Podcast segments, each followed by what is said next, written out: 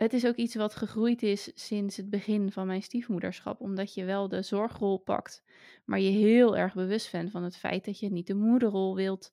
Maar toch wel. Je bent, je bent een soort moeder, maar toch wil je niet op het vlak van iemand anders komen. En terecht. Hey, hey welkom. nou, gelukkig nam je net een hijs in plaats van een slok thee, want anders was de thee door je neus gekomen. anyway, welkom, lieve luisteraar, bij aflevering 103 van Dit is 30. Ik, eh ja, ik... Oké. Ja, zo, zo zitten we er allebei een beetje bij, hè? Ja. ja, terwijl er eigenlijk helemaal niet zo'n ontzettende reden toe is. Want, nou ja, we hebben vandaag, ik heb vandaag het heugelijke feit eh, kunnen vernemen dat mijn kind mag afzwemmen. Yay! Ja, dus het A-diploma is in zicht. En Halleluja. dat is heel erg fijn. Yes. Dus dat is leuk. En dat was ook leuk. Ik zat daar in die les, want we mochten deze keer meekijken. En nou ja, je ziet dat gewoon goed gaan. En hij moest nog maar drie dolfijntjes die op oranje stonden. En de afgelopen lessen was het echt met, weet je wel, het was niet zo af en toe eens eentje die van groen, of oranje naar groen ging, maar gewoon bam, bam, bam, weet je wel. Dus ja, dus ik zat halverwege die les en zij stond maar met die iPad in haar handen. En nog even een keer, laat het nog even goed zien. Nou, dan voel je het al een beetje aan. Ja, Dus eh, ja, ik zat al halverwege die les met een enorm brok in mijn keel. ja. Oh, daar gaat hij, daar gaat hij. En nou ja, als je weet dat als ze mogen afzwemmen, dan zijn ze in principe al door. Dat is natuurlijk een beetje voor de bühne. En Ja. prima. Dus ik heb hem gewoon vandaag tussen aanhalingstekens zien afzwemmen, vind ik. En dat eh, was heel nice. Ja, ja, fijn. zeker. En bij jou, B?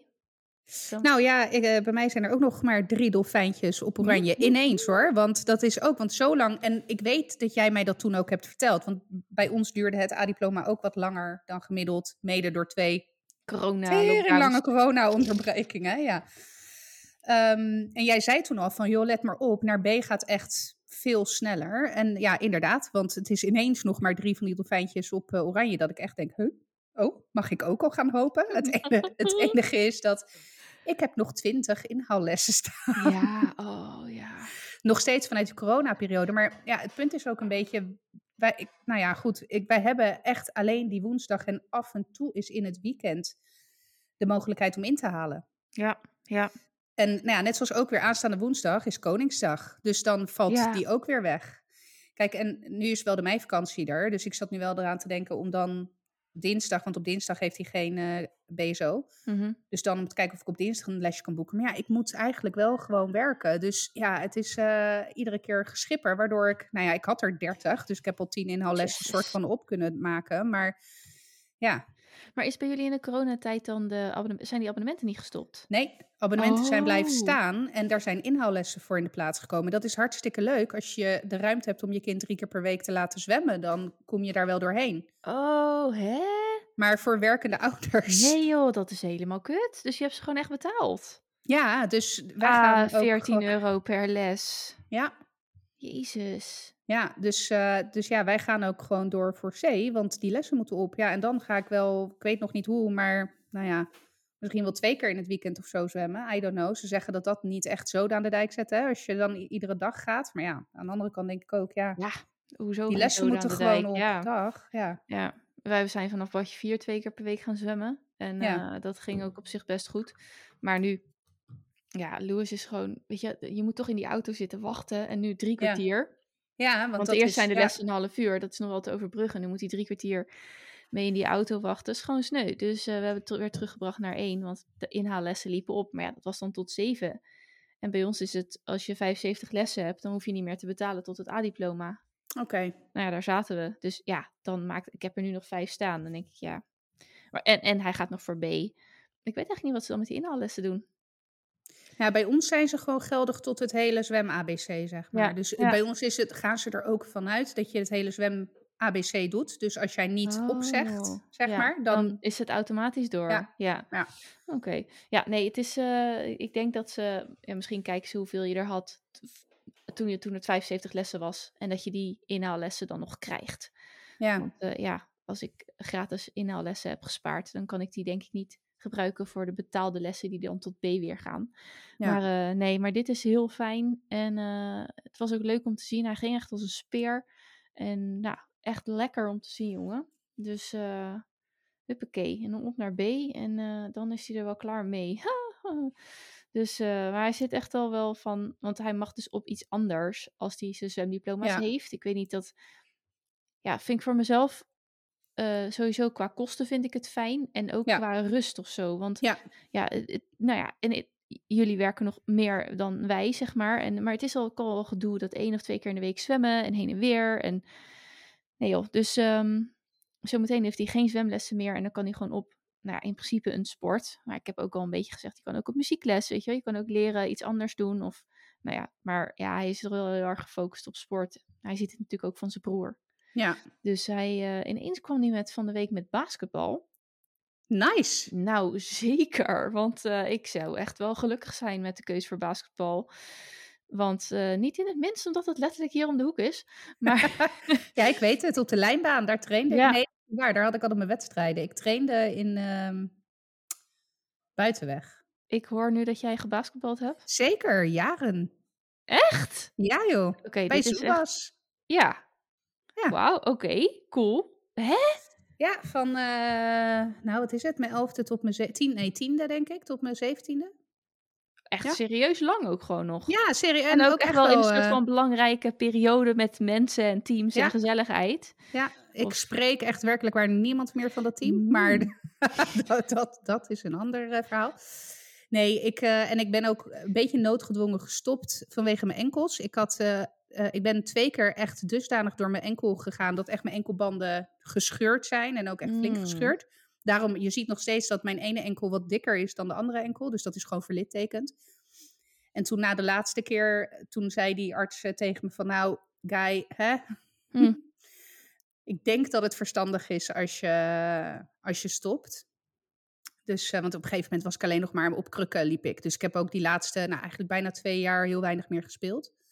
Maar het was wel mijn sportjaar basketbal. Heerlijk. Oh, vet. Ja, ja. Nou, helemaal cool. Dus eh, ik weet waar ik hem sowieso kan brengen dan voor eh, de basketbal ins en outs. Maar, dus, nou ja, goed. De- dus dat was, eh, dat was ineens een soort van. En ik zei dat, ik, ik stuurde dat naar George, want die heeft ook echt weer heel veel gewerkt en zo.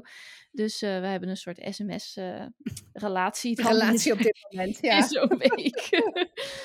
en die stuurde gelijk een... Hij zegt, oh, ik heb nog wel wat filmpjes, want het is de playoffs, denk ik, of zo. Het is, nou ja, in ieder Van geval... de NBA eh, bedoel ja, je? dat Ja, denk ik. dat, ja. dat zou heel goed kunnen. Ja, dus ehm, hij had alvast een filmpje gestuurd. Nou, daar zat hij echt van te smullen. En hij had dus binnen, dat was ook iets- iets bizars. Het was Celtics tegen, ik weet het niet. Maar ehm, hij had al heel snel, had hij het over Steph Curry. En dat is een soort van een van de hotste. Ja. Nou ja, dat, dat wist ik uiteraard niet. Ik denk, oh, hij noemt gewoon iemand. En hij had nog zo'n Space Jam basketbal dingetje van de McDonald's, die ik nog niet heb kon, kunnen wegmoffelen. Want dat doe je met McDonald's speelgoed. Zeker. Ja, kom op. Dus, eh, who's with me? Come on, weet je wel? Maar eh, eh, en toen had hij dat ineens gepakt. Want zo is hij dan wel. Hij is echt een hoorder, maar hij weet ook precies wat hij Zeker. heeft gehoord. Ja, zo heb ik er hier ook één thuis Het zitten. is echt, het is, nou, uitdagend. Ehm, dus hij had, eh, en hij zegt, dit is Steph Curry. Maar uiteindelijk, ik zeg dat dus tegen George, nou, die vond het ook helemaal cool. Eh, maar hij zegt, dat, die speelt helemaal niet bij Celtics of die tegenstander, maar dat is zijn broertje Seth Curry. Oh, Dus hij heeft op de een of andere manier Seth Curry gehoord in een van de eerste zinnen. Die vergelijking getrokken, maar daar zelf Steph van gemaakt. Wat toevallig nog dus goed is ook. ja, oh, Nou, lachen. dus hij loopt nu dus eh, eh, rond met eh, en zijn nieuwe Lego Wolverine ding, die Wolverina heet, volgens hem. En zijn Steph Curry popje, die niet eens op hem lijkt, maar dat maakt niet uit. Nee, dus basketbal, lang verhaal, maar hij had interesse in basketbal. En hij heeft ook wel eens eerder interesse in tennis geuit. Nou, zou ik ook tof vinden. ja, maar goed, afgelopen zaterdag, dat was gisteren, toen zijn wij weer met Jaden mee geweest naar een voetbalwedstrijd. Eh, om hem te brengen. En toen liepen we dus net langs velden vol voetballende kindertjes van een jaar of vijf, zes. Nou, daar zat de hij ook. Ja, echt. Hij oh, zegt hij, dit is kindervoetbal. Ik wil op kindervoetbal. En ik dacht echt, oké, het is allemaal oké, weet je. Je moet het maar gewoon proberen. Maar ik vond het wel leuk dat hij een beetje buiten het voetbal dacht. Ehm, Ja, want zeker. ja, hij heeft als voorbeelden honkbal en voetbal eigenlijk.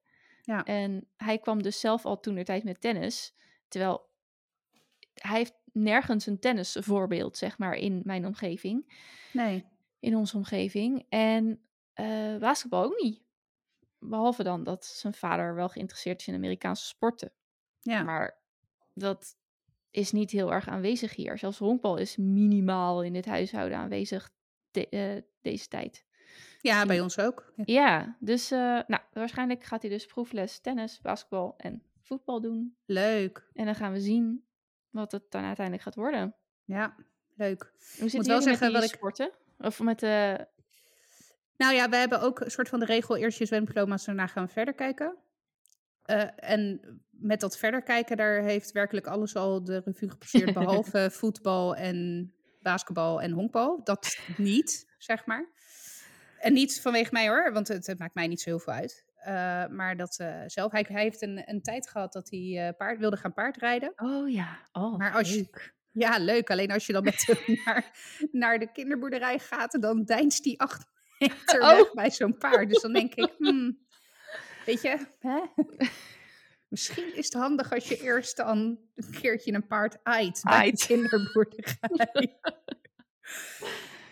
Dus nee, hij en verder. eh, en, maar- en, en toen moest ik wel even slikken. Hij vindt zwemmen dus wel heel erg leuk. En hij heeft, eh, hij, op een gegeven moment had hij als zwemtijd nou ja, de laatste tijd voordat er dus wedstrijdzwemmen Oh, getraind ja, werd. Dus ja. hij zag ineens die bomen van kerels met zulke schouderpartijen. En oh, zwemmerslijven, jongen, echt love it. Maar goed, sidestep. Ehm, dat, hij zag dus dat wedstrijdzwemmen. En toen, sinds dat moment vindt hij dat fantastisch. En wil hij ook gaan wedstrijdzwemmen. Het is alleen een ja, beetje jammer dat hij dus het drijfvermogen van zijn vader heeft. Dus A.k.a. baksteen. ja, ik, ik weet niet helemaal. Maar goed, weet je, dus daar, daar gaat nu dus ook heel erg zijn interesse naar uit. Dus voor hetzelfde geld ben ik gewoon nog steeds ehm, verbonden aan eh, het glorrijke Zoetermeerse zwemwater na het diploma. Veroordeeld, ja. Eh, wij zouden heel graag ook eh, nog wel eh, judo willen opperen. Oh ja, ja. Nou, Daar heeft hij ook wel eens een blauwe maandag wat over gezegd. George vindt dat ook inderdaad een goed idee. Ik heb daar echt geen mening over. Nee, nou ja, goed, Frank heeft vroeger gejudo'd en het, het is gewoon wel, weet je, je, je leert toch, even los, je leert een aantal valtechnieken die altijd handig kunnen zijn om Mhm, gebroken mhm. botten van klimrekken te voorkomen. Nee, maar je leert ook een soort van wederzijds respect, weet je wel. Het is natuurlijk, het is een Oosterse vechtkunst, dus weet je, er zit heel veel ritueel en, en respect en nou, dus, hè. Ehm, en, en je leert heel erg eh, doorzetten ook. Want ja, Ja. weet je, zo'n plankje heb je niet in een... Dat is, ik weet niet of dat judo is trouwens. Nee, ik zie al de redactie hier eh gekscherend nee. Oogrollend. Dat, ja, precies. Anyway, weet ik veel. Ik zie dat soort shit op Insta. En dan denk ik, kachaka! En dan zie ik van die witte pakken. Die hebben ook gewoon een Ja. officiële naam waar ik nu niet op kom. En eh, dan denk ik, oh, judo. Want dat is mijn referentiekader. Eh, dankzij de Olympische Spelen. Want ik heb zelf werkelijk waar nog nooit op een judomat gestaan. Ik, had wel, ik heb wel een ex-vriendje die op hoog niveau heeft gejudo'd. Oh. Ja, ik heb hem nooit zien judo hoor. Maar eh, ja. Ik heb één keer een, ehm, een, eh, een vriend vanuit mijn vorige leven, zeg maar, met mijn ex, die, eh die hu- hudode, hudode, De judode ook we zijn hier echt volledig judo aan het verneuken. Gewoon, Ja. eh.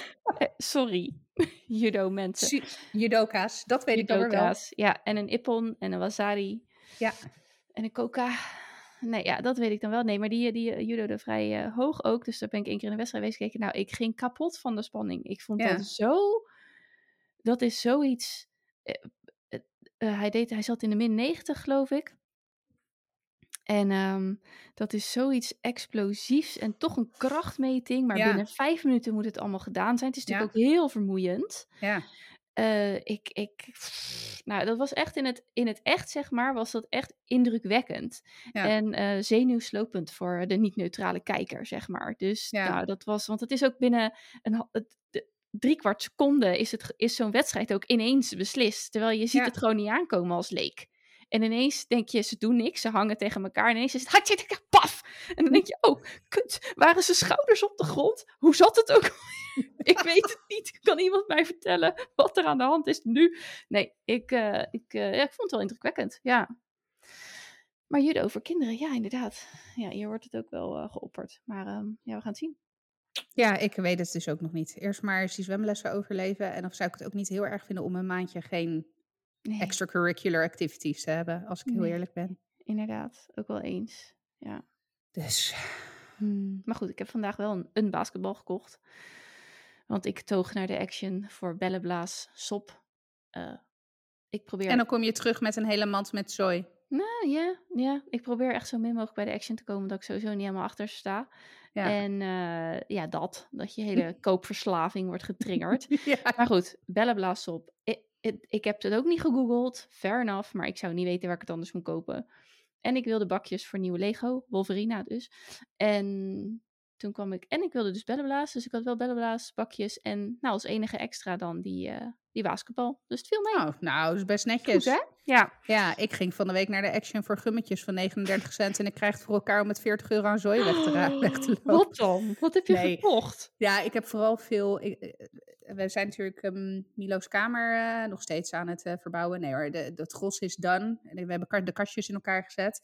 En ik wilde heel graag uh, bakjes hebben voor in die kastjes. Zodat hij zijn speelgoed een beetje kan sorteren. Dus ik heb vooral veel van die bakjes en plateautjes, ja. lekker Montessoriaans, uh, gekocht. En daar had ik al heel veel online naar lopen zoeken. Maar ik vond het echt heel duur en het was net niet. En hier liep ik gewoon tegenaan. Maar dan heb ik ook wel zes bakjes uh, gekocht, weet je. Of zes van ja. die draadmandjes. En verder nog wat uh, kleinigheidjes voor verjaardagen of andere gelegenheden, zeg maar. Ik heb zo'n stashplek met kleinigheidjes voor als je ineens of iets bent vergeten voor een kinderverjaardag of nou ja, een bijzonder moment waar je dan wel eens iets voor wil geven. En eigenlijk doen we dat nooit. We geven eigenlijk buiten de verjaardagen en feestdagen om nooit zomaar een, een cadeau. Maar goed, het is er voor het geval dat we dat ooit besluiten ja, wel ja. te gaan doen. Maar ja, weet je, het is wel, ik heb dat ook hoor, dat het, het druist ergens een beetje tegen mijn principes in. Hoewel ik ook wel uh, weet je, wat Action vooral volgens mij doet, is uh, het opkopen van partijen.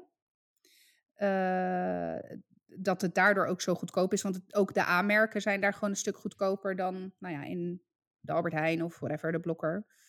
maar goed, het echte, de echte troep, dan zie ik toch wel kleine Chinese kinderhandjes altijd mm -hmm, ja. het in elkaar zetten of zo. Ja. ja, maar dat heb je eerlijk eerlijk bij de Intertoys of de Albert Heijn. Ja. Nee, ze hebben, mij, ze hebben toen een in de coronatijd, toen had iedereen het moeilijk. En toen verlaagden veel grote bedrijven die het konden leiden, zeg maar, die verlaagden de betaaltermijn. Want uh, als je een factuur stuurt naar een groot bedrijf en je hebt een betaaltermijn van 30 dagen, dan zegt zo'n groot bedrijf: Ja, leuk voor jou. Wij hebben een betaaltermijn van 90 dagen. Ja. Dus dat is al een beetje dat je denkt, hm. Maar uh, in de coronatijd, toen ondernemers en kleine bedrijven het dus ook echt moeilijk hadden, toen verlaagden veel van die grote jongens in de markt, zeg maar, die betaaltermijnen van, oh ja, nou, nu doen we wel aan 30 dagen of minder. En Action heeft dat niet gedaan. Hm, Terwijl okay. zij wel veel met dat soort leveranciers te maken hadden. Ja. En toen dacht ik wel, dit is niet zo oké. Okay. Dit is het gewoon, hebben ze gewoon een beetje een scheve schaats gereden. Nee, dat is. Oh, het is wel, de goede, het is wel een goede uitdrukking, maar hij past hier niet helemaal. maar ze hebben gewoon, toen heb ik er een beetje van, hm, nou, dan maar niet. Weet je wel. Plus dat het inderdaad mijn eigen koopverslaving triggert. Dus. Zo, nou, maar dat heb ik ook hoor. Maar echt letterlijk. Je gaat ja. naar binnen voor ja, maar een gaat, setje gummen van 39 cent. En nou ja. Er gebeurt echt iets. Iets met endorfine. Ik weet het niet. Ja. Dopamine, noem het. Er Terwijl het helemaal iets. geen aantrekkelijke winkel is. Als je het, ik bedoel, ik vind het niet een uitnodigende winkel om Nee, maar op de een of andere manier hebben ze wel items liggen waar je ja. dat hebberige gevoel, ja. dat, dat dat dat triggert. En weet je wel, die, die houten leuke dingetjes of uh, sowieso heel veel speelgoed waarvan ik al weet, die gasten die gaan er echt heel goed op. Zoals alle kinderen, weet je wel, watertroep van water wat spuit of... Of, of autootjes, of inderdaad, dan hebben ze ineens weer een partij van die cars auto's. Nou, dat is altijd goed, weet je wel. Ja. En um, ja. Zo. Goh, zitten we nog op ons script, denk je? 20 minuten verder. We hebben nou, volgens mij nog helemaal niks besproken van wat we zouden bespreken. Af, ja, afzwemmen, dat was een verrassing oh, ja. voor jou. Maar toen ja. kwam het kind hier binnen en die alvast ja. een ding liet zien. Nou, fijn. Um, ja, ik uh, wil eventjes nog je meenemen in mijn stemcoaching. Ja, moment. ja want ik, Ik, ik, had het, ik appte jou ook Ja. eh, vrijdagochtend. Want ik had, het, ik had helemaal Clubhouse weer geïnstalleerd. Want dat had ik al lang van mijn telefoon afgeflikkerd. Maar ja, toen had ik een overijverige collega die tussen 10 en 11 een afspraak erin schoot. En dat was ook niet een afspraak waar ik zeg maar op luisterstand kon gaan en sneaky, zeg maar. Weet je wel, ook die heb ik regelmatig hoor. Maar eh, dat was deze niet. Ik moest echt wel een actieve bijdrage leveren. Helaas.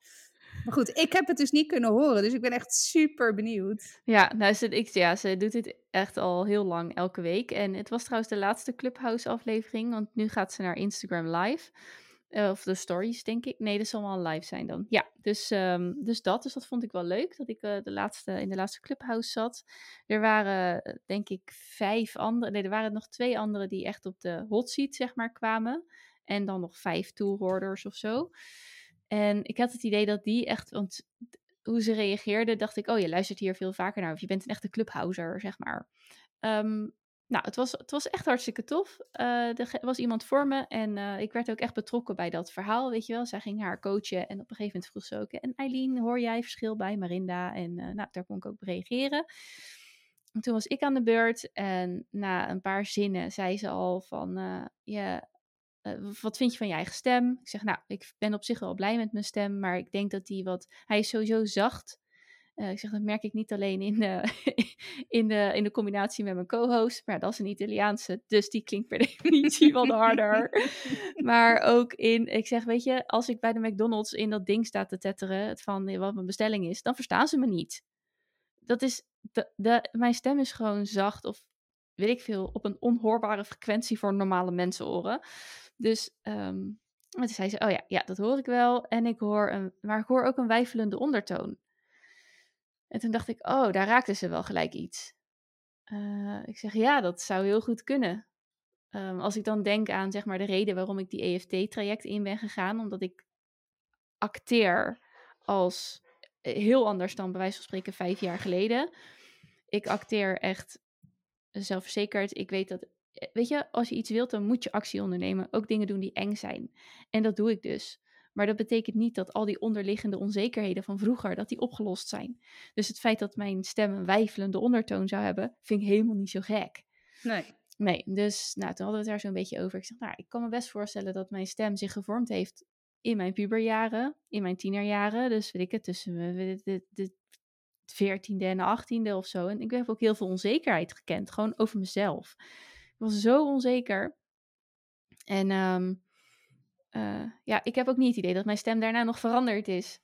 Dus nou, daar had ze ook dan weer een verhaal over. Nou, dat was een oefening. Toen moest ik, uh, ja, dat vond ik zo moeilijk. Onderuit, ga, onderuit gezakt gaan zitten, dat was niet zo moeilijk. Dat kan ik heel goed.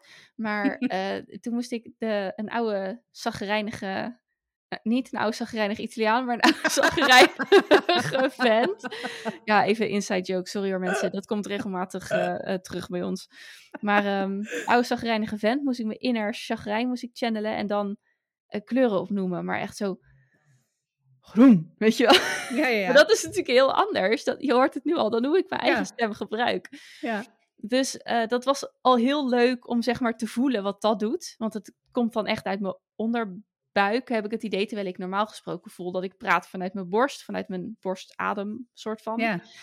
En uh, dus toen ging ik proberen te praten met een deel van die zagrijn in me, zeg maar. En uh, toen dacht ik echt, nou, dit, dit klinkt zo gek. Het is een heel leuk experiment, klinkt wel gek. En zeg maar Marinda, die kon dan weer op mij reageren. Toen zei ze, oh, je bent echt nu ineens veel interessanter om naar te luisteren. Toen dacht ik, ja, dat is natuurlijk wel, dat is natuurlijk wel interessant um, om te weten. Dus nou, dat kwartiertje was hartstikke leuk. En uh, ja, ze doet de stemcoaching uh, sessies van, weet ik het, drie kwartier voor 47 euro. Dus ik denk, ja, als het nou nog eens een keer opkomt, dan is het ook best wel goed te doen om gewoon dat echt een keer met haar te doen. Vond Ja. leuk.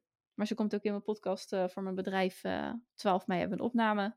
Leuk. Ja, dus dan ga ik er eens aan de tand voelen over stemmen, podcasten en...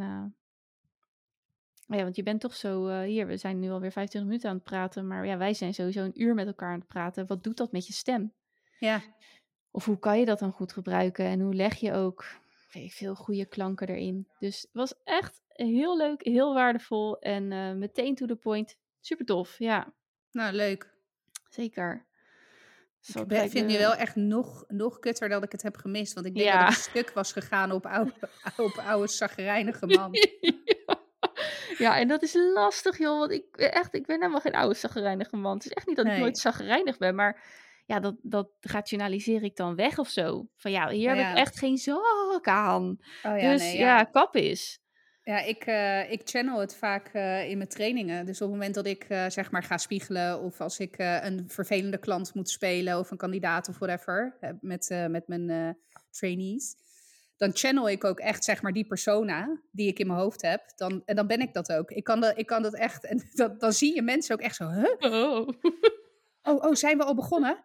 En dan zit ik ook al helemaal in character, zeg maar. eh, dus dat, ja, heerlijk, heerlijk. In Oh. een volgend leven word ik acteur. Het lijkt me echt prachtig. oh, herinner me dat ik jou nooit als trainer wil. Ja, ja ik ben... Ja, ik ben, Doodeng. ja, ik ben, ik ben, eh, eh, ja, ik ben wel... Nou, kijk, gewoon eh, als trainer ben ik gewoon mezelf. Maar je hebt natuurlijk onderdeel van dat soort trainingen is ook eh, van die klantgesprekken Ja. of... eh, hoe heet het? Ehm, nou ja, gewoon om een beetje te prikkelen, weet je wel. Eh, of bepaalde communicatietrainingen waarin, je dan, waarin ik dan heel bewust, heel vervelend... Weet je, als iemand een gesloten vraag, dan alleen maar ja. Oh, dat is Nee, zo kut. Weet je wel dat? Ja. Ja. heerlijk jongen. Echt genieten. Genieten. Ik, eh, ik zie Dus. hier een nieuwe, een nieuwe passie ontstaan. Oh Op, nee, ja, die eh, is, die is er al. Ja, ik ben het zeggen, die is er al wel een tijdje hoor. Het is niet voor niks dat ik erg happy ben met die rol als, eh, als trainer. Ja. Echt heel erg leuk. Maar goed. Zal ik me even verder inkoppen over trainers en coaches Ja. en zo? Nou, ik heb van de week ook nog iets rete spannends gedaan. En wat heel erg goed voelt, maar wat wel weer heel erg eng is. Ik eh, ben dus inderdaad ingestapt bij een business coach. Ik heb natuurlijk de online business school, business school gedaan bij Tineke Zwart, wat super tof was en heel erg waardevol. En nu eh, ben ik weer in een nieuw programma gestart bij een andere coach. Ehm, in mijn podcast business wil ik graag werken met klanten die hun visie al scherp hebben. Dus ik heb, wat ik nu veel heb, is dat ik veel mensen spreek, veel ondernemers spreek die beginnen. Die dus heel erg op zoek zijn naar hoe begin ik, wat moet ik precies doen. En dan zitten ze met die microfoon of dictafoon voor hun neus en dan, weet je wel, blackout. Nou, super eh, belangrijke momenten ook in je podcast en je podcast, je eigen podcastreis, zeg maar. Maar ik merk wel dat op het moment dat een gevorderde ondernemer of iemand die al een podcast heeft waarvan ik denk, oh, er is niet zo heel veel op aan te merken. Oh, wat heeft die dan voor vraag? Weet je wel, dat, dat, dat, nou, dat intrigeert me dan meteen. En toen dacht ik, ja, als je het dan hebt over Zone of Excellence en Zone of Genius, dan zit mijn Zone of Genius daar, bij die klanten die gewoon, die al gevorderder zijn in hun ondernemersreis ook, in hun visie, waar ze voor staan, die eh, ambitie hebben dat als ik zeg, ja, we gaan 50 afleveringen in twee maanden maken, dat ze denken, 50? Ik doe er 60. Weet je wel, gewoon, weet je, en hup, we gaan ervoor. Ik weet wat het waard is, ik weet wat jij waard bent en eh, we gaan gewoon samenwerken en eh, eh, ja, skyrocketen, zeg maar. Dus daar was ik wel achter, van ja, die klanten, die wil ik wel, daar wil ik wel echt achteraan.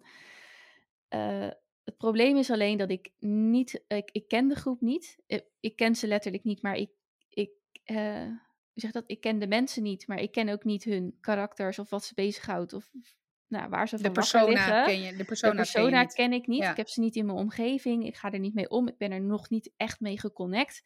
En ik weet ook niet zo goed wat ik met mijn positionering moet doen.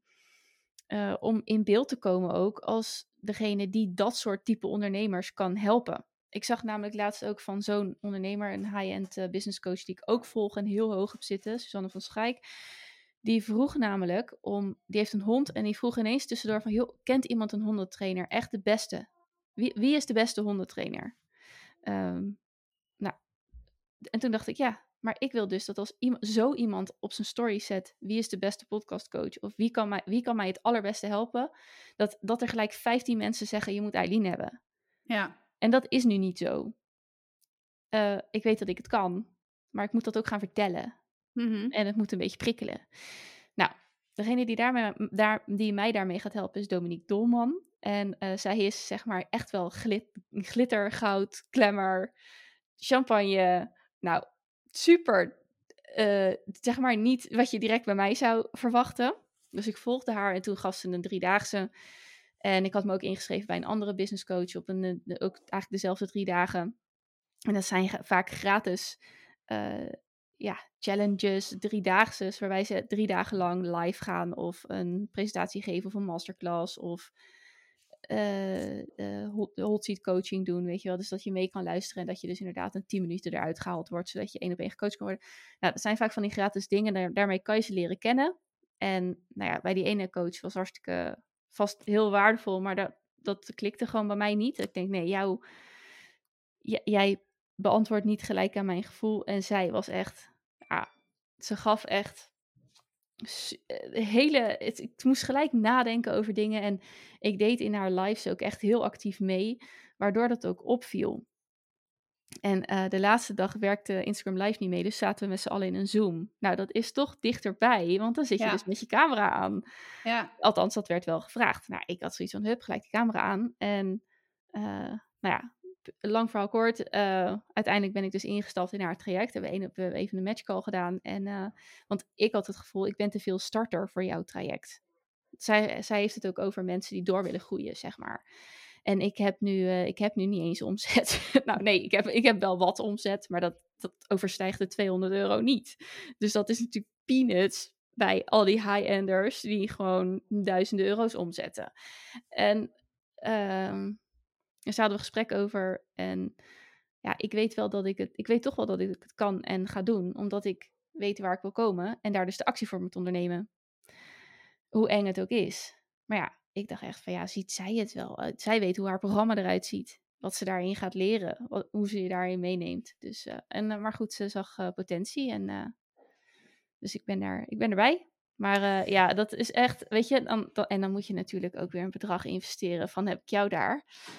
En ja, dat ondernemen, ja, Tineke zei het dan al, het is de meest extreme vorm van persoonlijke ontwikkeling. Dat is echt waar, omdat het allemaal, allemaal uit jezelf moet komen. En dat had dat, ik had dat niet kunnen snappen als ik in loondienst was gebleven. En dat is ook oké, maar het, elke dag weer moet jij het doen. Je hebt niemand die, wiens rapport je nog moet lezen, of niemand die zegt ik wil dit en dit en dit promoten, wil jij daar de teksten voor schrijven? Dan moet je ook de teksten zelf opstellen. Maar dan heb je iemand die jou een opdracht geeft. Je hebt iemand zoals een directeur of een, een, teamleider of, of, of een, weet ik veel, bij mijn part board of, uh, board of whatever the fuck, die, die een visie opstelt, die jaarplannen opstellen, waar je dus iets mee kan.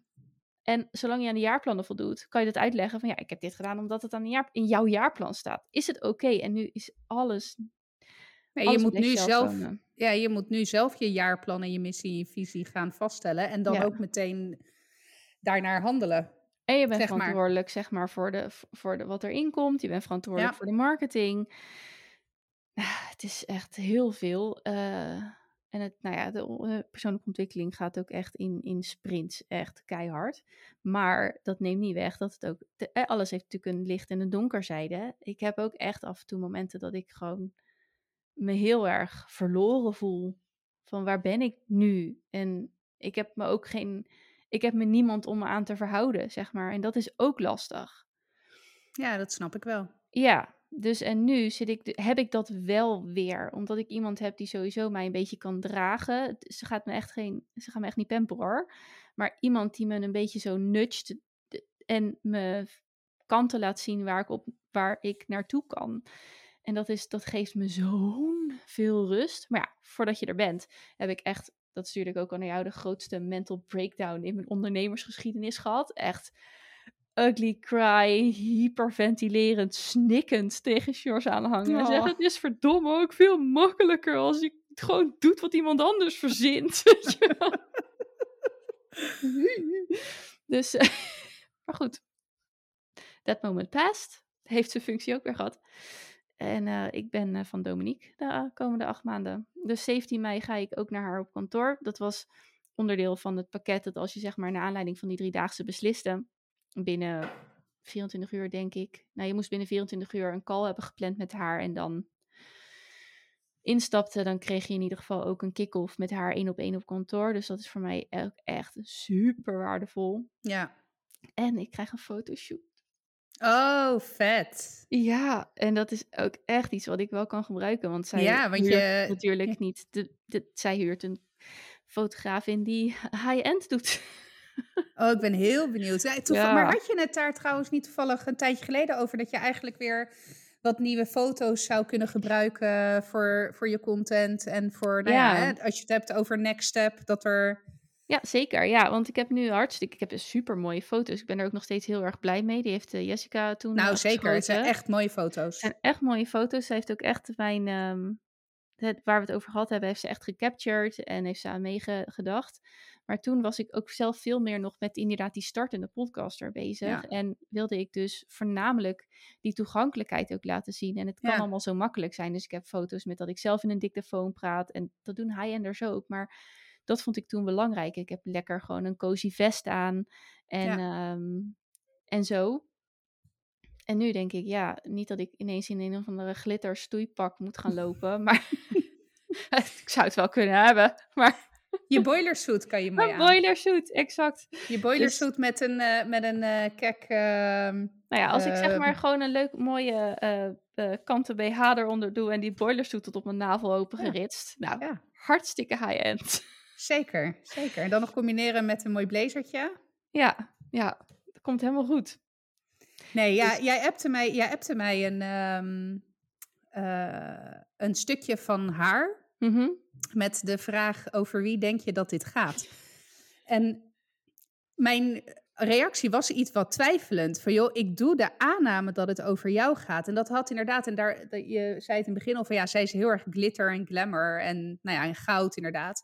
Zo kwam ze ook op mij over. Dus, dus ik dacht, met wat zij zei, dacht ik, ja, dat gaat over jou. Maar ik vond haar helemaal niet bij jou. Tenminste, ik, snap je? Die, Ja, ja. dat had ik wel met Tineke. Daar, daar dacht ik, ja, weet je wel, dat, dat...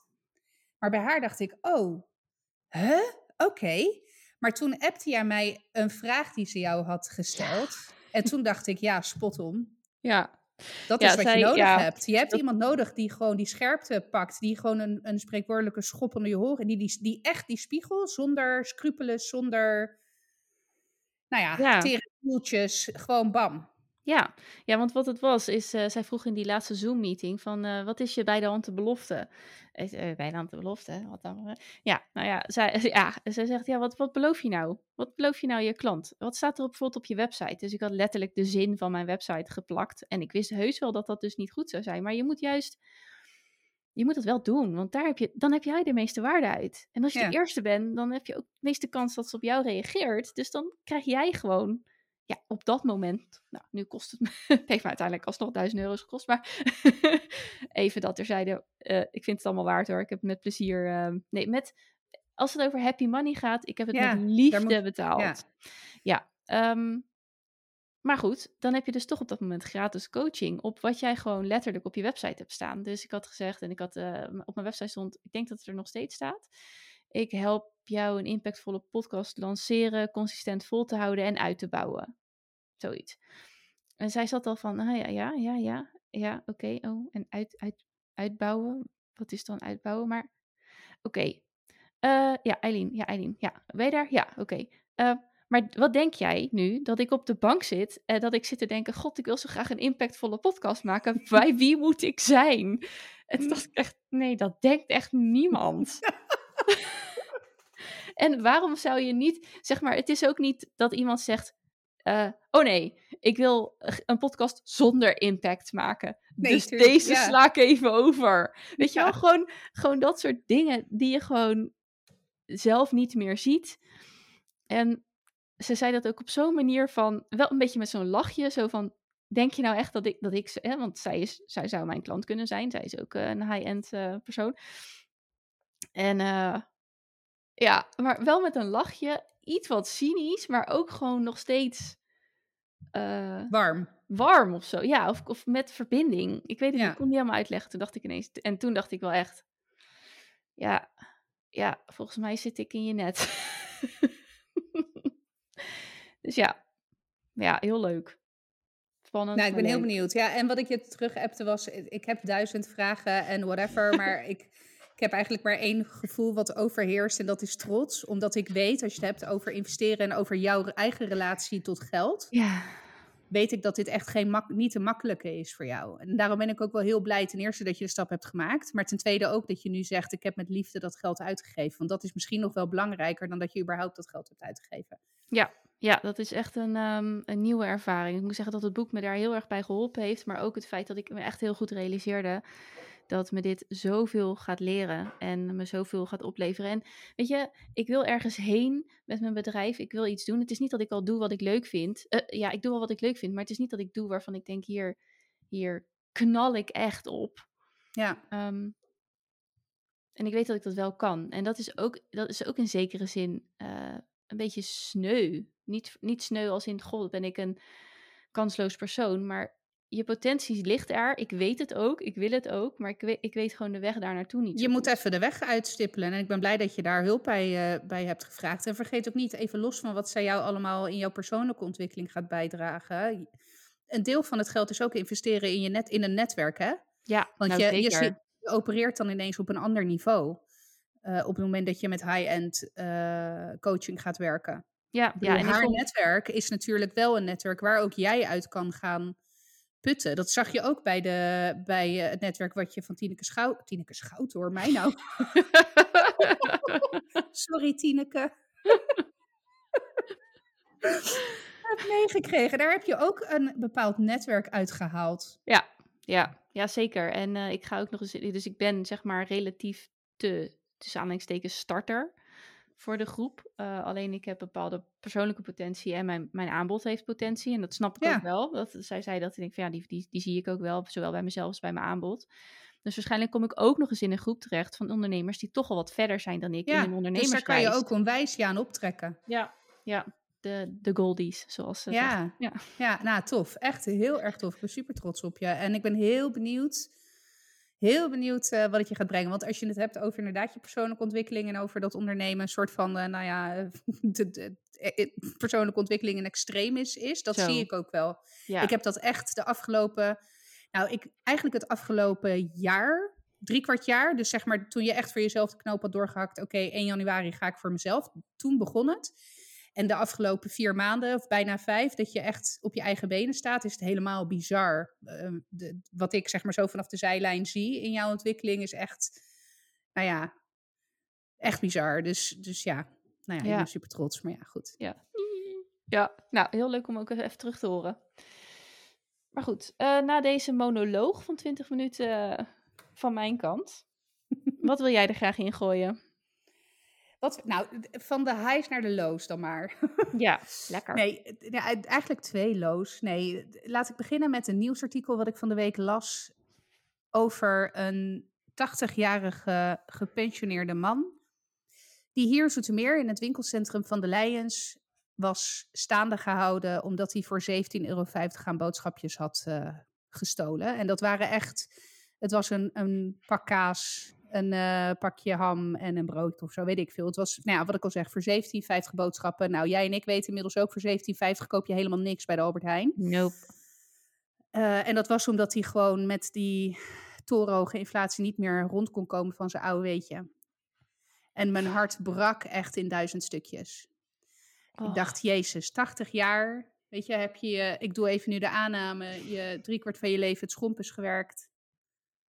En dan kom je gewoon niet rond met je 80ste en dan ben je veroordeeld tot het stelen van kaas en worst bij de Ja. supermarkt, omdat je anders niet te eten hebt. En ik, het eerste wat ik dacht, oké, ja, dat kan natuurlijk niet, want ja, weet je, wie is die man? Maar het eerste wat ik dacht, oké, ik wil weten wie deze man is en ik ga hem gewoon iedere week een tas met boodschappen brengen. Of, of gewoon misschien gewoon alleen een kopje koffie gaan drinken eh, met een stukje taart meenemen of zo. Maar ja, dat gaat natuurlijk niet, want ja, nogmaals, geen idee wie het is. En toen dacht ik wel, ik denk ja, en ik weet dat dat soort initiatieven wel, nou ik heb dat wel eens langs zien komen, weet je, bijvoorbeeld bij sommige koffiezaken dat je eh, twee koffie koopt, eentje er zelf houdt en de ander dan in een soort van spaarpotje is dat, zit dat dan voor iemand die dan langskomt en die koffie niet kan betalen, zeg maar. Ja, Kijk, en nu, nu zijn er natuurlijk wel initiatieven als de voedselbank en dat soort dingen. Maar dat is ten eerste vrij lastig om daar soort van binnen te komen. Want je moet aangedragen worden door een hulporganisatie. Oh. Er zit ook heel veel schaamte zit daarbij. eh, hè, als je naar de voedselbank moet. dus ik zat ook meteen te denken, ja, dat moet toch kleinschaliger beter kunnen. Weet ik veel, dat je dus bij je lokale Albert Heijn afspreekt met zo'n supermarktmanager. Joh, ik koop nu twee pakken pasta, eentje voor mezelf en eentje wil ik graag in een soort van doneerdoos hebben of Bak, zo. ja. Ja. Dus dat triggerde bij mij wel. Ik vond het gewoon zo intens verdrietig dat ik denk, Jezus, het zal maar je vader of je opa zijn of je buurman, weet je wel. Ja, of dat je, dat je inderdaad daar 80 voor moet worden. Ja. En dan denk ik ook, weet je, nou ja, Milo is natuurlijk eh, volgende maand jarig. En dan, ja, weet je, wij zitten gewoon in luxe positie dat we, wij kunnen alles eten wat we willen. Cadeautjes, geen enkel probleem. eh, feestjes, geen enkel probleem, weet je wel. Ik- hoef daar niet eens over na te denken. Ik kan naar de Action gaan voor een setje gummen van 39 cent, weglopen met een tas van 40 euro en er eigenlijk geen nacht minder om, om slapen. Nee, En dan- seconde meer bij stilstaan. Nee, en, en dan in mijn eigen stad, in mijn oude wijkje, is er iemand van 80 die een blok kaas moet jatten. Ja, ik was daar heel, heel verdrietig, eh, verdrietig over. eh. Ja, maar ook Dus omdat je gewoon supermarktmanagers, als jullie luisteren of whatever, weet je, ik, ik weet het niet. Ja, voor hetzelfde geld, laten we het een keertje proberen of zo, weet ik veel. Of, Ja. ja, of zijn er al dat soort initiatieven? Ik had echt een onwijze drang om hier iets aan te doen, zeg maar. Nou, het lijkt ook zo makkelijk om, om te regelen, inderdaad. Ja, dat voor mijn gevoel wel, Ja. maar ja. Maar ze hebben toch ook altijd rond de kerst van die pakketten, dat, het- dat van die ondernemersclubs, de Lions en zo, die staan Ja. dan. Of, maar, of, of je hebt hier ook Oostervaantje, Oostervaantje, maar dat zie je dan in Noordhoven. Ehm, dan kan je zeg maar de dingen die je uit je kerstpakket niet opeet, die kan je daarin leveren, zodat ze daar kerstpakketjes, zoiets, voor eh, mensen die het minder hebben van maken. En dat, omdat er toch relatief wel eens luxe artikelen dan in zitten, zeg maar. Ja, En, eh, maar dan staan ze bij de supermarkten ook van die lijstjes uit te delen. Van als je nou dit en dit en dit, of Ja. dit zou je extra kunnen kopen en dan lever je dat later bij ons weer in. Ja, waarom zou daar niet, dat niet structureel iets kunnen zijn? ja. Ja, Nou, weet je wat dan wel gelijk het lastige is? En dat dan, dan vind ik ook weer, zeg maar... En dat zal heel wat genuanceerder liggen dan dat ik het nu schets. Maar je leest natuurlijk ook wel eens van die schrijnende verhalen... van mensen die een jaar lang bijstandsuitkering terug moeten betalen... omdat hun moeder ooit een keertje boodschappen krijgen of eh, kopen voor ze, weet je wel. Dus ja, nou ja, ik... eh, nee, maar het schijnende ook is dat je weet dat deze man niet eh, op zichzelf staat. nee, ja, nee, zeker ja. niet. Dit is niet, dit is Zeker een van de niet. vele. Nee, maar als je het ook hebt, hè, we zitten nu op een inflatie van, nou ja, 12% geloof ik. Ehm, Serieus? Ja, ja, en kijk, eh, dat zelfs ik af en, af en toe het begin te merken. Nou, nu alsof ik multimiljonair ben, dat ben ik helemaal niet. Maar wij werken gewoon allebei fulltime. En dus hebben we een, een riant salaris eh, voor, eh, voor ons gezin, zeg maar, en onze vaste lasten. Zeker vanaf volgende maand. Maar eh, ehm, zelfs ik eh, denk eh, af en toe, eh, dan heb ik echt een halve tas boodschappen, moet ik 80 euro vertikken. Dat ik denk, sorry, Ja, wat dan? Ja. wat heb ik gekocht dan? Ja, Ja. kaas voor 10 euro. Ja, fuck? Ja, nee, Nou, maar... Ik, had, eh, ik liep in de Dirk. En eh, sinds kort, want Mason die wilde, ja, lang verhaal, maar die wilde graag naar de Dirk. Hij vond het zo hilarisch dat er dus een supermarkt was die gewoon Dirk heette. dus nou, wij een keer naar de Dirk. Ik ook zo'n tas gekocht. Hij vond het leuk. En ik dacht eigenlijk, oh, het is eigenlijk wel grappig. Nou, we hadden het er inderdaad over gehad. Ik liep in de Dirk en toen stond daar dus een paar flessen zonnebloemolie. Dus ik dacht, oh, en ik moest, ik, hij, ik wil ook een keer donuts maken. Die moet je frituren in zonnebloemolie. Dus ik dacht, oh, dat kan ik dan eindelijk een keer doen. En ik pakte die fles en mijn blik viel nog net op dat prijskaartje. Dat was 3,99. En toen dacht ik ineens, ja, tuurlijk is het heel duur, want het is schaars. Hè? Eco- economie, hè? ik heb er nog wel iets van onthouden. Schaarse dingen zijn duur. En, ehm, maar goed, ik wist niet dat zonnebloemolie ook een high-end product was geworden. dus toen dacht ik ineens, ja, fuck dat. Ik, ga het weer, ik heb het weer teruggezet. Ehm, maar echt, gigantisch. En nu liep ik in de Jumbo vandaag en er stond inderdaad ook flessen eh, zonnebloemolie voor 4, 4,39 euro of zo. Ja, terwijl normaal gesproken betaal je er een euro voor. Betaalde je er een Ja. eurotje geloof ik voor ongeveer. Voor zo'n Ja. liter fles eh, zonnebloemolie. Ja, Ja.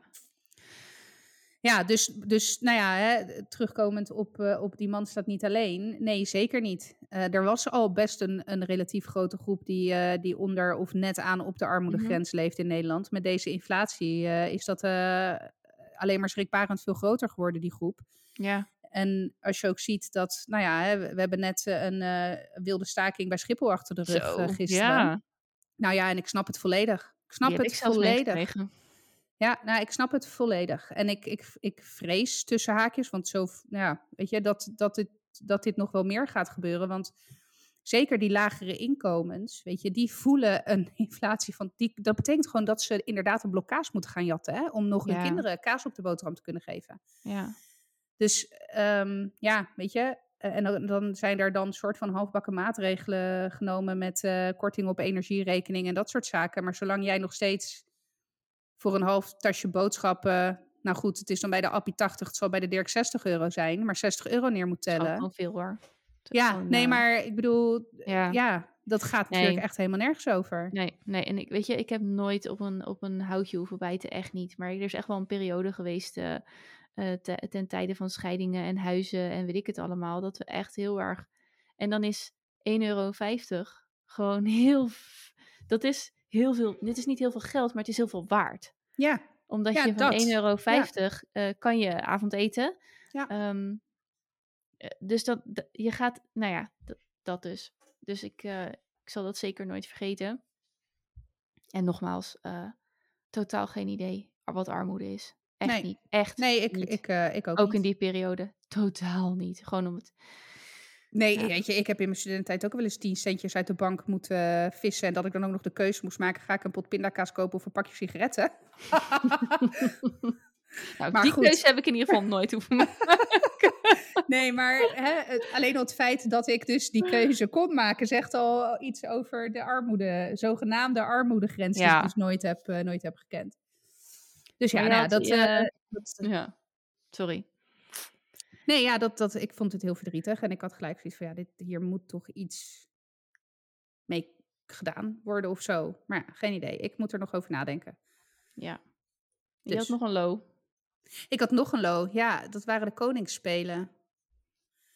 We hadden afgelo- afgelopen vrijdag, ik heb jou zelfs gebeld. En je, ik, Ja, belde nou. jou, ik belde jou en je, nam, en je nam ook op. Wat is er? Is er iets aan de hand? Ja, wij bellen dus nooit. Nee, Echt, dat- Maar sowieso is bellen zit er niet echt onwijs meer in, denk ik, in onze Nee. generatie. Net niet meer. Nee, we appen Maar- daarentegen Ja, waar wij bellen minstens drie gewoon keer per nooit. dag. Maar nee, bellen Ja. doen we nooit. Ik bedoel, we spreken elkaar ook met dit soort dingen. Dus dat we elkaar horen of praten is niet zo gek. Maar we Nee. bellen gewoon nooit. Dus stond ineens, Kaya belt?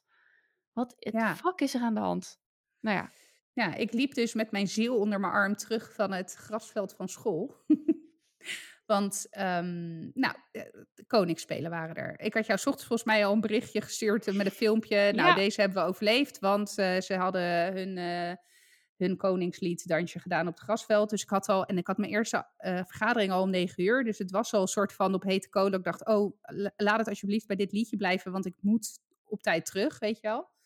Maar goed, dat was allemaal goed gegaan. En in mijn Oh, en ik, hè, smiddag zou de sponsorloop zijn. Eh, dus nou ja, goed. eh, ik had het dus goed in mijn werkagenda gezet. Half twee tot half drie had ik geblokt voor de sponsorloop. Nou, en ik krijg altijd een melding 10 minuten voor aanvang in mijn agenda. Dus ik had heel bewust, want het is vijf minuten lopen naar, het, eh, naar school vanaf thuis. Dus het was helemaal in kannen en kruiken. Ik had het helemaal geregeld. Ik had niks gezegd tegen Zeno, want het moest een verrassing zijn dat ik daar ineens langs de lijn stond om hem aan te moedigen. Dus nou ja, het was ehm, kwart over één of zo. En ik dacht, en ik zag inderdaad die melding in mijn agenda. De, de wekker was dus nog niet gaan. Ik dacht, oh ja, laat ik voor de zekerheid nog een keer checken op het lijstje hoe laat zijn klas nou aan de beurt is. Want hè, ik ben en blijf Gaia. Dus ik pak dat lijstje erbij en ik kijk even, hè, Zeno zit in klas 4C. Vorig jaar zat hij in klas 3C. En ik kijk op het lijstje en ik kijk naar de starttijd van klas 3C. En die was om twee uur in plaats van om half twee. Nee, sterker nog, om kwart over twee. Nou ja, anyway, op een andere tijd. Later dus. Dus ik dacht, oh, zie je wel, ik heb verkeerd gekeken. Nou, gelukkig kijk ik nog even, want anders sta Ja. ik daar een half uur voor Jan met korte achternaam. Dus ik echt nog heel chill, weet ik veel. Even, volgens mij ging, ben ik even een kwartiertje buiten gaan zitten met mijn kopje koffie. Ik denk, hè, Oh.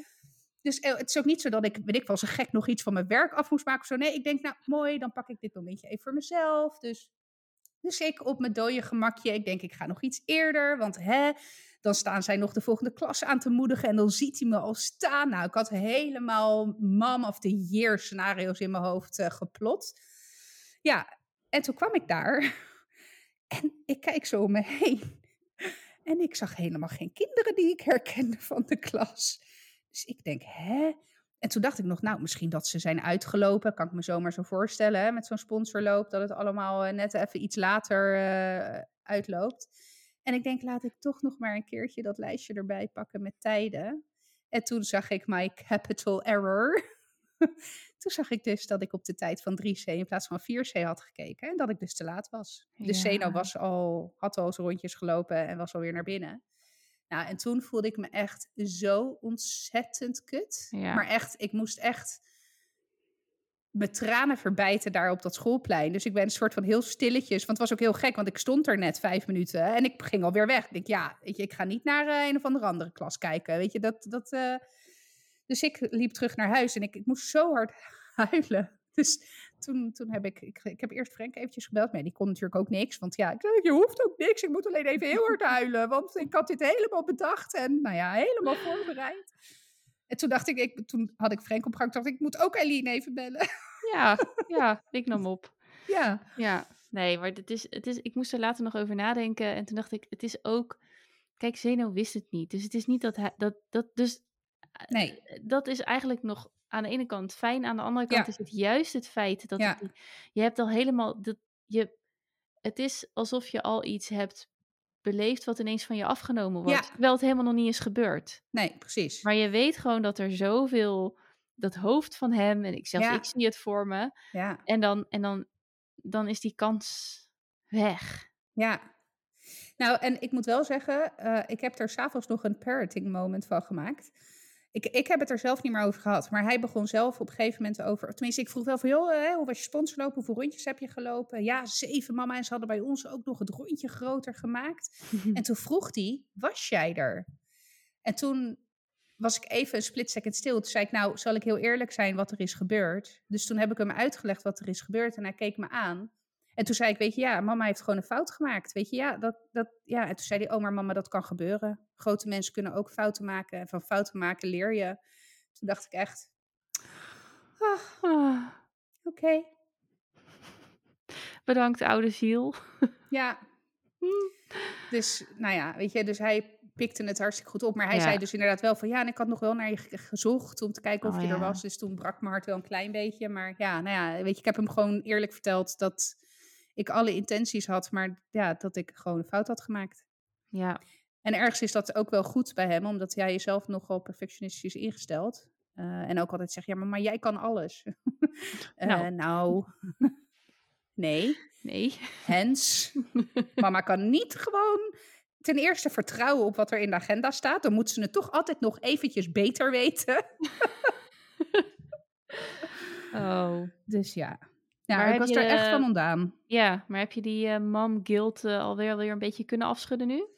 Ja, ik heb er wel echt de hele vrijdag nog last van gehad. Ja. is echt, daarna is er vrij weinig meer uit mijn handen gekomen.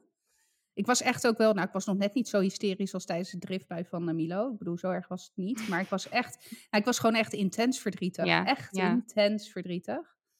Uh, dus uh, nee, ik heb er vrijdag wel nog last van gehad. Daarna eigenlijk, eigenlijk niet meer. Ik had ook nog daarna nog eventjes mijn moeder gebeld. En die zei ook, oh joh, Guy, die haalde nog iets aan wat er ooit is gebeurd waar ik ook bij was. toen had ze ook haast voor, een, of voor iets van school van mijn broertjes en mijn zusje. En toen kregen we dus een auto-ongeluk.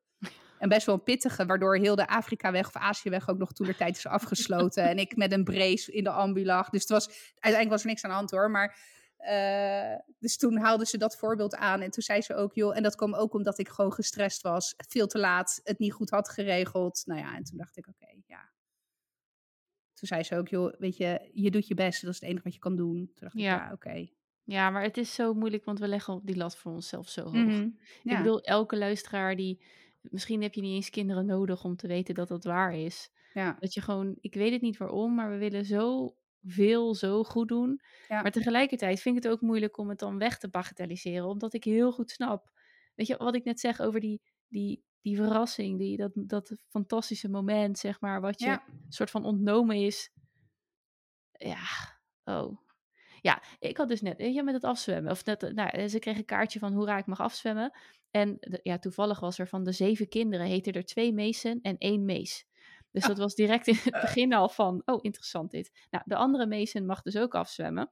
En ik zat ook naast die vader in dat kleedkamer. Dus de andere meesen zei ook van, ja, je mocht vandaag kijken, pap. En hij zo, oh nee, nee, we hebben net nog gekeken, mama en ik. Dus hij kijkt mij aan en ik zit hem aan te kijken. Ik- Hij zegt, oh, mochten we kijken? Ik zeg, ja, ik heb net gekeken. Oh, oh. Maar hij stapte daar, niet, niet zeg maar onverschillig, maar hij stapte daar ook echt zo overheen van, oh, Ja, oké. nou ja, shit we hebben het nog Ja. gecheckt, maar nou oké, bla bla bla. Nou, fijne avond hè. En ik dacht echt, zo, ik zou dit echt super kut gevonden hebben. Vooral omdat die jongen gewoon mag afzwemmen nu. Ja. Maar toen dacht ik, ja, ik, ja het is gewoon beter. Want meest, de andere meesten leek er ook niet zoveel last van te hebben. Die had ook echt zoiets van, oh ja, ja dat kan gebeuren. ja. Ja, dat is echt, dat is wel een eh, waardevolle kunst hoor. Om dat een klein beetje van je af te kunnen laten glijden. Ja, nou ja, en ik... Gewoon ik, van, ik- wat, wat is gebeurd, is gebeurd. En niks meer aan te ja, doen. je kan er ook niet... Fine. dat... Ik merkte het ook aan Frank aan de telefoon. Dat hij, hij probeerde ook een soort van met iets te komen. Weet je, het, maar ja... Ja, en terecht op een gegeven moment... Ja, weet je, schat, je kan er nu toch niks meer aan veranderen. Nee, dat weet ik, ik. maar... dus ja, ach. Dus Dus dat. de, de week van de mental breakdowns. Zo, Ja. ja. Ja, ik zou ook wel nu een soort van een week vakantie willen van mijn gezin. Maar goed. Dat is echt helaas niet mogelijk. Nee. Maar gewoon van alles. Gewoon, ik zou gewoon heel graag gewoon een weekje naar een nou, semi-warm land, graad of twintig, met gewoon vijf boeken, zonder telefoon en gewoon alleen maar rust, ontspanning, geen geluid om me heen. Oh, geluid. Ja. Eh, ah ja, dat. Geluid, nou, dat is het. het, dat is het. Het constante trillen van die eh, trommelvliezen. Ja, en ik, ik had dus vandaag echt een kutdag. Ik was echt strontzagrijnig. Om no apparent reason. Ja, ik ben ongesteld, maar dat ben ik al vijf dagen. Dus mijn PMS-dag had ik vrijdag al. Hence mijn mental breakdown, omdat ik dus... maar... En toen realiseerde nu, ik- nu je het nu zo zegt... Ik heb zaterdag eh, vijf uur de schuur staan schuren. Dus de Hmm. hele tijd dat... En ondertussen ook voelde ik me fucking schuldig naar de buren.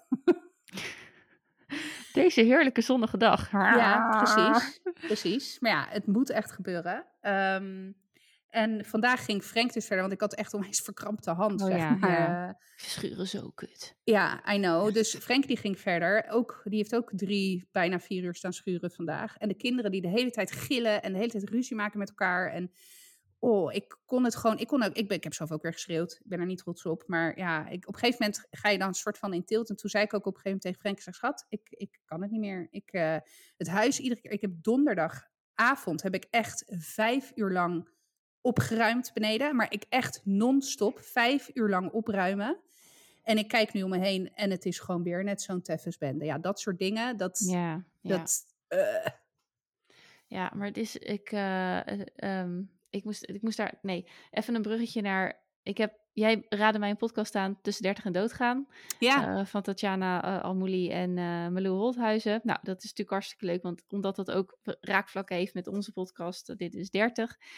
En ik heb een paar stukjes geluisterd en ik moest daar vandaag ook nog aan denken. Toen ging het over een app die ze dan beide hadden met tips. Dus je kan dan mensen, ik kan bijvoorbeeld Tatjana volgen in de app, of ik kan jou volgen in de app. En dan kan ik de, jouw tips, jouw leestips, jouw, nou, wij zouden ook een account kunnen aanmaken met ons Ja. nieuwe, nieuwe rubriekje. Nou, en ehm, toen zei Malou, geloof ik, eh, ja, want ik ben zo'n, eh, ik kan dan zo'n MTV-serie bingen. Toen dacht ik, oh ja, dat kon ik ook wel inderdaad. Dat je gewoon, gewoon constant van die, hoe heette dat ook weer? Waar ik de OC zo, of eh, zo. Ja, of, nee, ja, eh, nee, waar ik toen zo the met- beach. ja, dat. Dat Ja. soort dingen. En dan drie uur later denk je, wat heb ik nou eigenlijk gekeken? En dan keken ze op die app en dan zagen ze dan een interessante docu aangeraden. En dan gingen ze die docu nog kijken. en ik dacht echt, Gewoon een soort van intellectueel tegenhangend. Maar gewoon ook van, wauw. Maar waar is- haal je de tijd hebt- vandaan? Ja, Ja. ik bedoel, eh, ik sprak van de week ook nog een andere ex-collega die ik op straat eh, tegenkwam met een lege kinderwagen. Ik zeg, waar is je baby?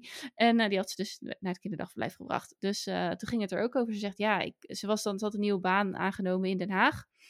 eh, eh, dat is dus een half uurtje, nou ja, minder, twintig minuten hier vandaan. En anders werkte ze in Utrecht, wat gewoon een uur reizen was. Maar ze zegt, ja, toen ik nog geen kind had, ging ik gewoon in die trein zitten. Ik zette Netflix aan en ik kwam wel thuis. Ja. En of dat nou om zes uur of zeven uur is, ja, dat maakt niet uit. Maar met een kind is dat nou, dertien werelden van verschil. Zes uur of zeven uur. Het, maar het, het hele... Ik, het, je kunt niet... Ik ben ziels blij en dankbaar met het feit dat ik kinderen heb mogen krijgen. Maar het is echt zo'n keuze voor alles of niks. Weet je wel? Ja. Het, is, het, is altijd, het, is, het is altijd geluid. Altijd. Altijd Ja. Dingen, spullen, gedoe, gezeik. Re- Interessante zaken ook hoor. Maar net als alles, het heeft een lichte en een donkere kant. Ja. En soms is het zoveel ja. geluid. Ja, nou dat. Dus ik ben ook blij dat het morgen weer maandag is, want maandag werkt Frank op kantoor. En eh, maandag, maandags en vrijdags. En dan, eh, dus ik ga straks ook nog alles opruimen, want dan vind ik het heel prettig om de hele dag het huis voor Ja. mezelf te hebben. Zonder kinderen, zonder, eh, zonder Frank. En niet, want ik vind het ook heel fijn als hij er wel is hoor. Want ja, weet je, we hebben verder ook geen last van elkaar hoor, met, verder met, eh, met werken. Maar ik vind het ook heel prettig om gewoon die acht uur in Alleen. stilte Ja. als ik dat wil, in stilte. En als ik dat niet wil, niet in stilte. Maar dat ik de baas ben over of er wel of geen stilte om me heen is. ja. Dat ik gewoon net dat stukje controle heb. Gewoon. Ja. Ja, heerlijk is dat. Ja, daar kan ik ook van genieten. Ja, dus Ja. dat. Ja, in, die, ehm, in, in de kindersfeer heb ik nog één eh, onderwerp. En dat is een, eh, een, een, stukje stiefmoederschap. Ik, ehm, onze oudste, ik ben stiefmoeder van eh, een jongen van bijna 15. Ja, echt bijna. Echt bijna 15, ja. En ehm, hij is, het is, het is, eh, nou, het, komt neer op 50-50. Het is 50-50 bij zijn moeder en hier. Eh, en nu is het afgelopen week zo geweest dat hij was, nou, het weekend niet bij ons. Toen ging hij op. En ik dacht dus in, het- in de paasweekend, en ik, hij komt op maandag uit school hierheen. Dan na zo'n weekend bij zijn moeder. En ik dacht dus, oh, hij komt maandag en dan gaat hij dinsdagochtend op die werkweek. Maar ja, dat was anders afgesproken. Uiteindelijk had, wist ik dat wel, want dan kon zij hem wegbrengen en, en wij hem ophalen. Dus dat is, weet je wel, zo gaan die afsp- afspraken. En dat is eigenlijk heel prettig hoor. Want dan kan je dit soort momenten ook fijn verdelen. En dan kun je Ja. dat samen gewoon ook beleven. Eh, maar dus dat was mij gewoon ontschoten. En ik had ook tegen die jongens gezegd, want ik moet eerlijk zeggen dat hoe ouder ze worden, hoe meer ze zich daarvan bewust zijn. Mason kan hem echt missen. Ja, ja dat, kan, dat En- snap ik wel. Ja, de, eh, Louis is vooral heel blij als hij er weer is, weet je wel. Maar die Ja. heeft het gewoon nog niet helemaal. En als, hij, als Jaden er niet is, dan zegt hij ook, hij is, hij is bij zijn moeder. Of hij is, hij is, is bij zijn andere moeder of zo maakt hij ervan. Of dat zegt ja. Mason, hij is bij zijn andere moeder. en ehm, eh, dus ik had gezegd, ja, Jaden komt maandag, weet je wel. Ja, hij kwam dus niet. Dus nou, dat was lange, en dan werkweek. Hij ging weg.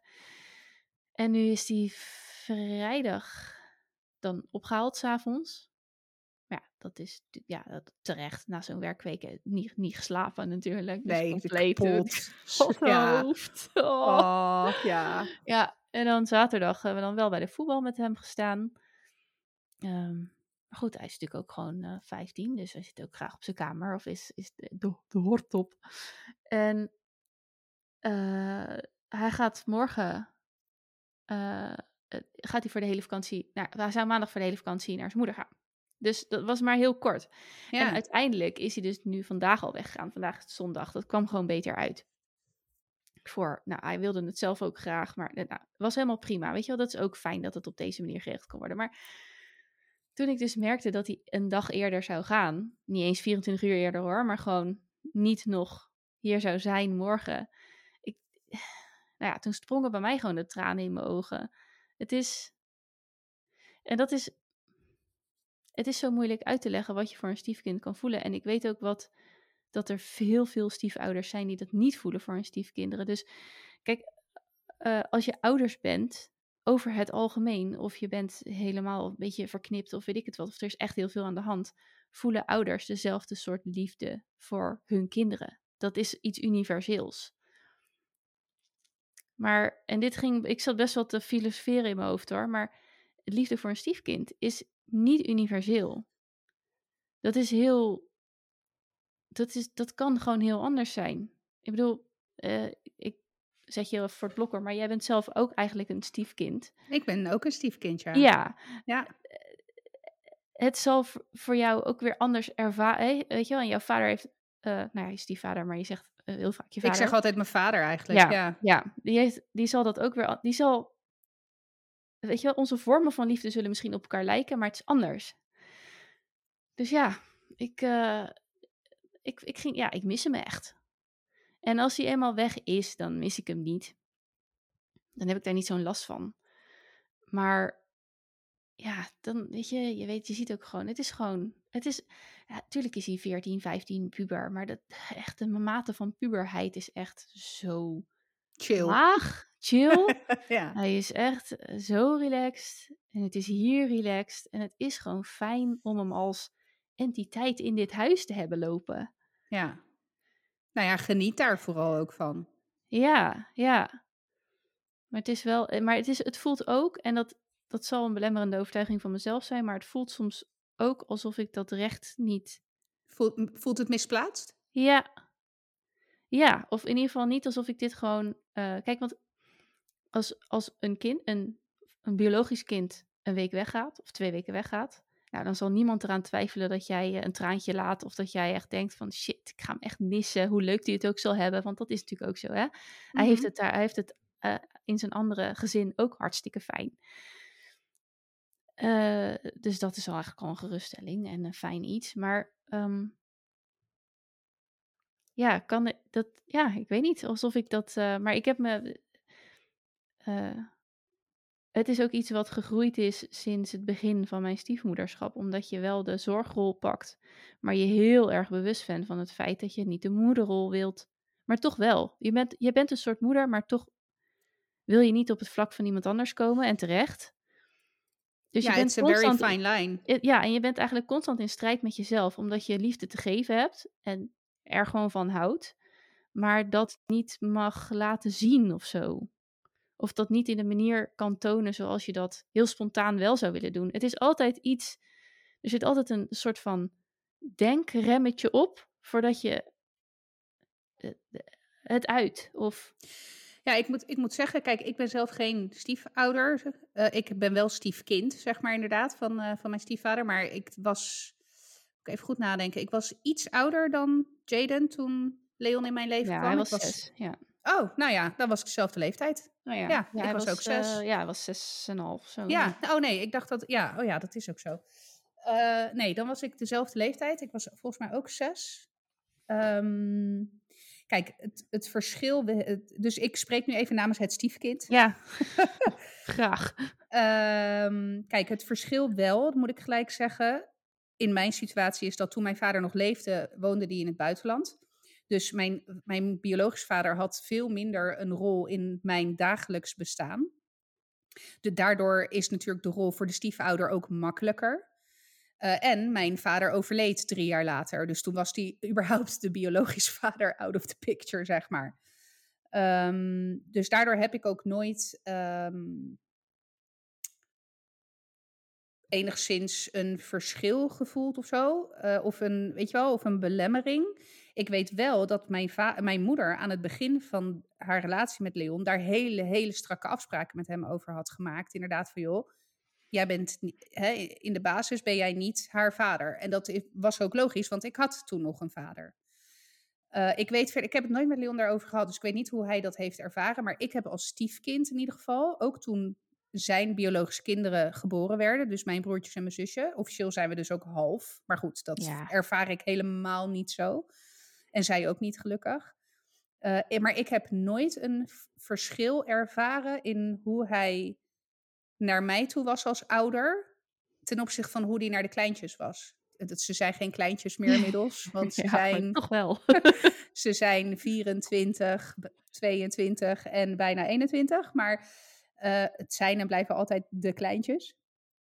Dus ik heb dat, ik heb dat verschil um, nooit ervaren. En nogmaals, hè, de situatie was anders, want ik had geen biologisch vader meer ik denk misschien wel in conflict situaties met mijn stiefvader, dat ik dan als mijn vader nog geleefd had, was ik daar misschien wel Ja, naartoe ja. verhaal gaan halen of zo. Mezelf kennende als bloedirritante 14-jarige puber.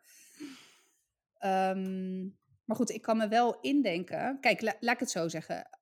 Als ik me probeer te verplaatsen in nou ja, de rol van stiefouder, ik denk dat ik meer moeite zou hebben met de disciplinaire kant van het ouderschap, dus mijn rol daarin, dan als het gaat over liefde voelen en het missen en het emotionele stuk.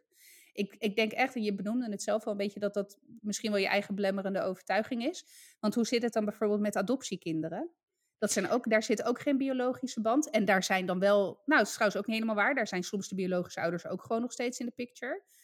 Uh, en die maken ook gewoon onderdeel uit van jouw gezin. En hoe dat gezin dan is samengesteld, ik denk dat dat niet zoveel te maken heeft met de liefde die je voor een kind of een stiefkind kunt voelen.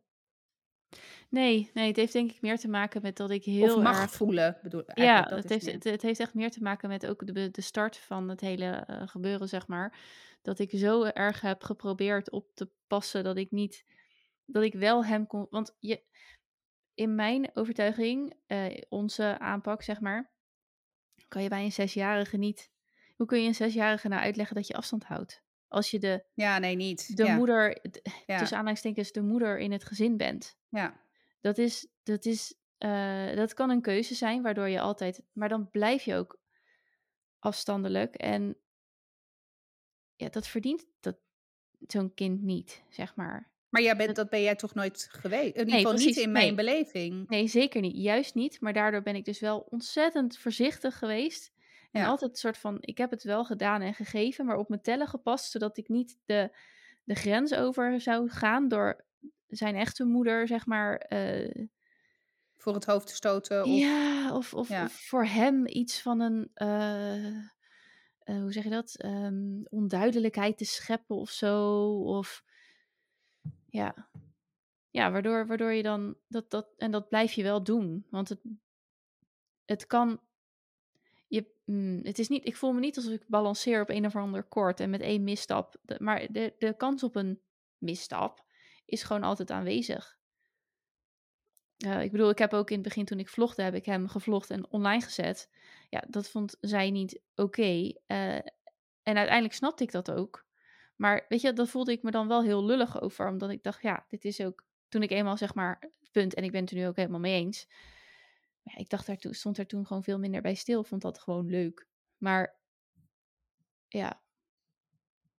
Dus nou ja, dus dat eventjes uh, ter update van het uh, stiefmoederschap. Hey, we gaan, zullen we wel even onze rubrieken ja, nog laten we maar even de rubrieken, want we zijn, het is ook een lange aflevering. Zeker. Uh... Als je nu nog luistert, super tof. We gaan eventjes door de tips heen. Um, ik heb een, uh, nou, ik heb dus de luistertip, dus dertig en doodgaan. Dat heb ik eigenlijk van jou gepikt en ik ging het even luisteren. Maar ik heb voornamelijk een deel uit uh, af, de aflevering 8, Falende Successen. Het is namelijk een verhaal dat uh, Malou iemand op straat, die, die viel op straat neer of zo. En zij belt dan een ambulance.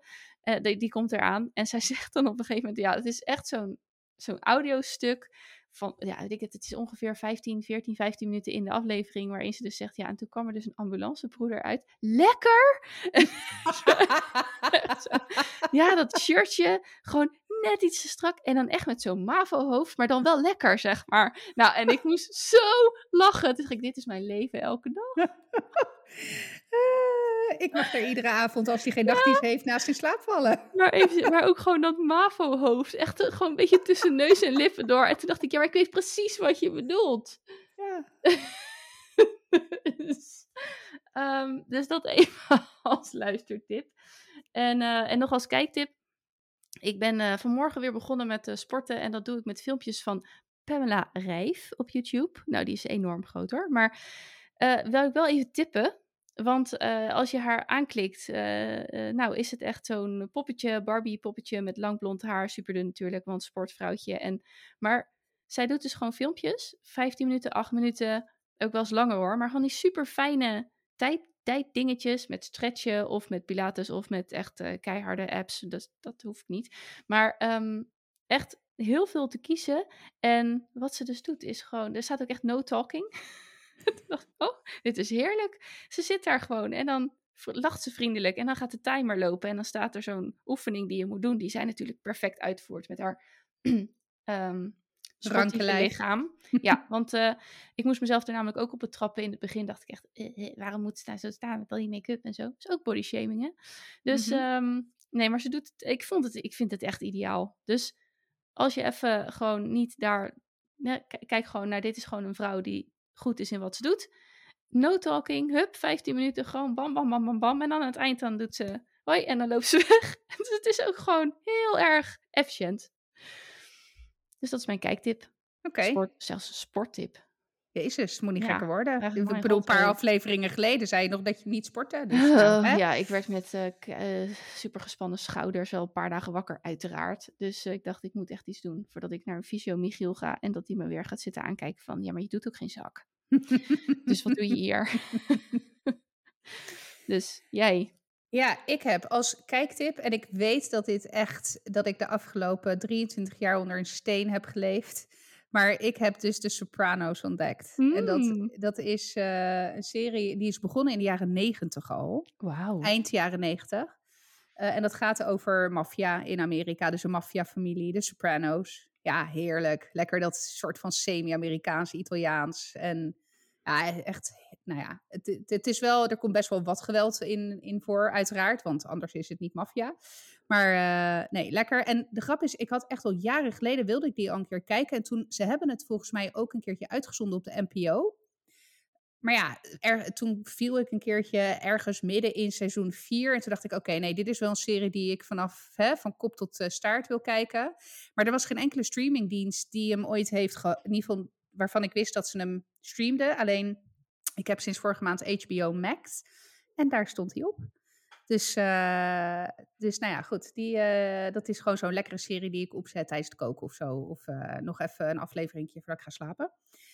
Dus dat is mijn kijktip. En mijn leestip, en dan moet ik wel zeggen, ik heb het boek nog niet gelezen, maar hij staat op mijn wishlist. En dat is een boek en die raad ik jou niet aan. Oké. Het, het is het boek Je bent een verschrikkelijk kind. Oh. En van Nina Blom. En eh, zij eh, is eh, opgegroeid met een moeder met het eh Munchausen bij proxy syndroom. Dus zij is ook zeg maar zwaar mishandeld door haar moeder. Ehm, en ik vind überhaupt het fenomeen Munchausen bij proxy vind ik mateloos intrigerend. Ik, dat heeft me al mijn hele leven, eh, nou ja, mijn hele leven. Ik bedoel, hè, ik neem aan dat ik als driejarige niet heel erg bezig was met Munchausen bij proxy. Maar ik weet niet, ik vind gewoon dat een, een fascinerend ziektebeeld. Ja. Dus eh, ik las een post van haar op LinkedIn, eh, waarin zij dus praatte over, volgens mij een sessie of zo die zij had gehad, want zij is ook spreker als, bij verschillende eh, evenementen, zeg maar, of weet ik veel, bijeenkomsten, ik weet niet hoe dat werkt. Eh, en toen ging ik dus, want ze had het daar over haar boek, en, en het schijnt ook echt een bestseller te zijn, dus eh, ja, ook hier heb ik blijkbaar onder een steen gelegen. Maar die heb ik op mijn leeslijst gezet. Ik, ehm, of je bent een verschrikkelijk kind. Dus ik, ja, dus niet per se voor jou leestip. Want Nee. ik denk dat dit nog jaren in jouw achterhoofd blijven rondmalen. Ja. Maar, maar ik ga hem lezen en dan als ik hem uit heb, dan nou ja, zal ik vertellen wat ik ervan vind. Ja. Oké, cool. Wat ga je deze week doen? Schuren, want die kutschuur is nog steeds niet klaar. Hm.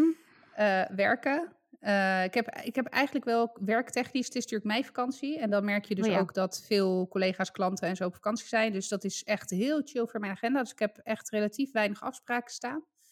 Dus dat is fijn, want dan kan ik gewoon ook nou ja, een beetje mijn eigen dingetjes eh, doen.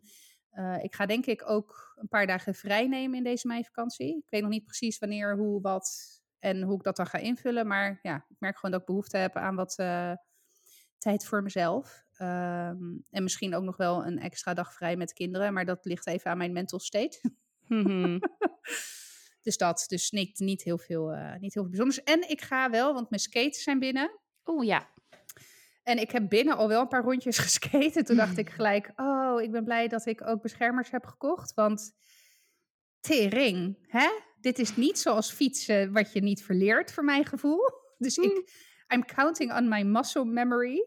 Eh, maar die ga ik dus ook deze week ergens voor het eerst in de buitenwereld proberen. Dus nou, ik ben heel benieuwd of ik volgende week hier met een gipsbeen de aflevering zit op te nemen. Maar nou We gaan zien hoe we jou gaan aantreffen. Ja, dus dat. En jij?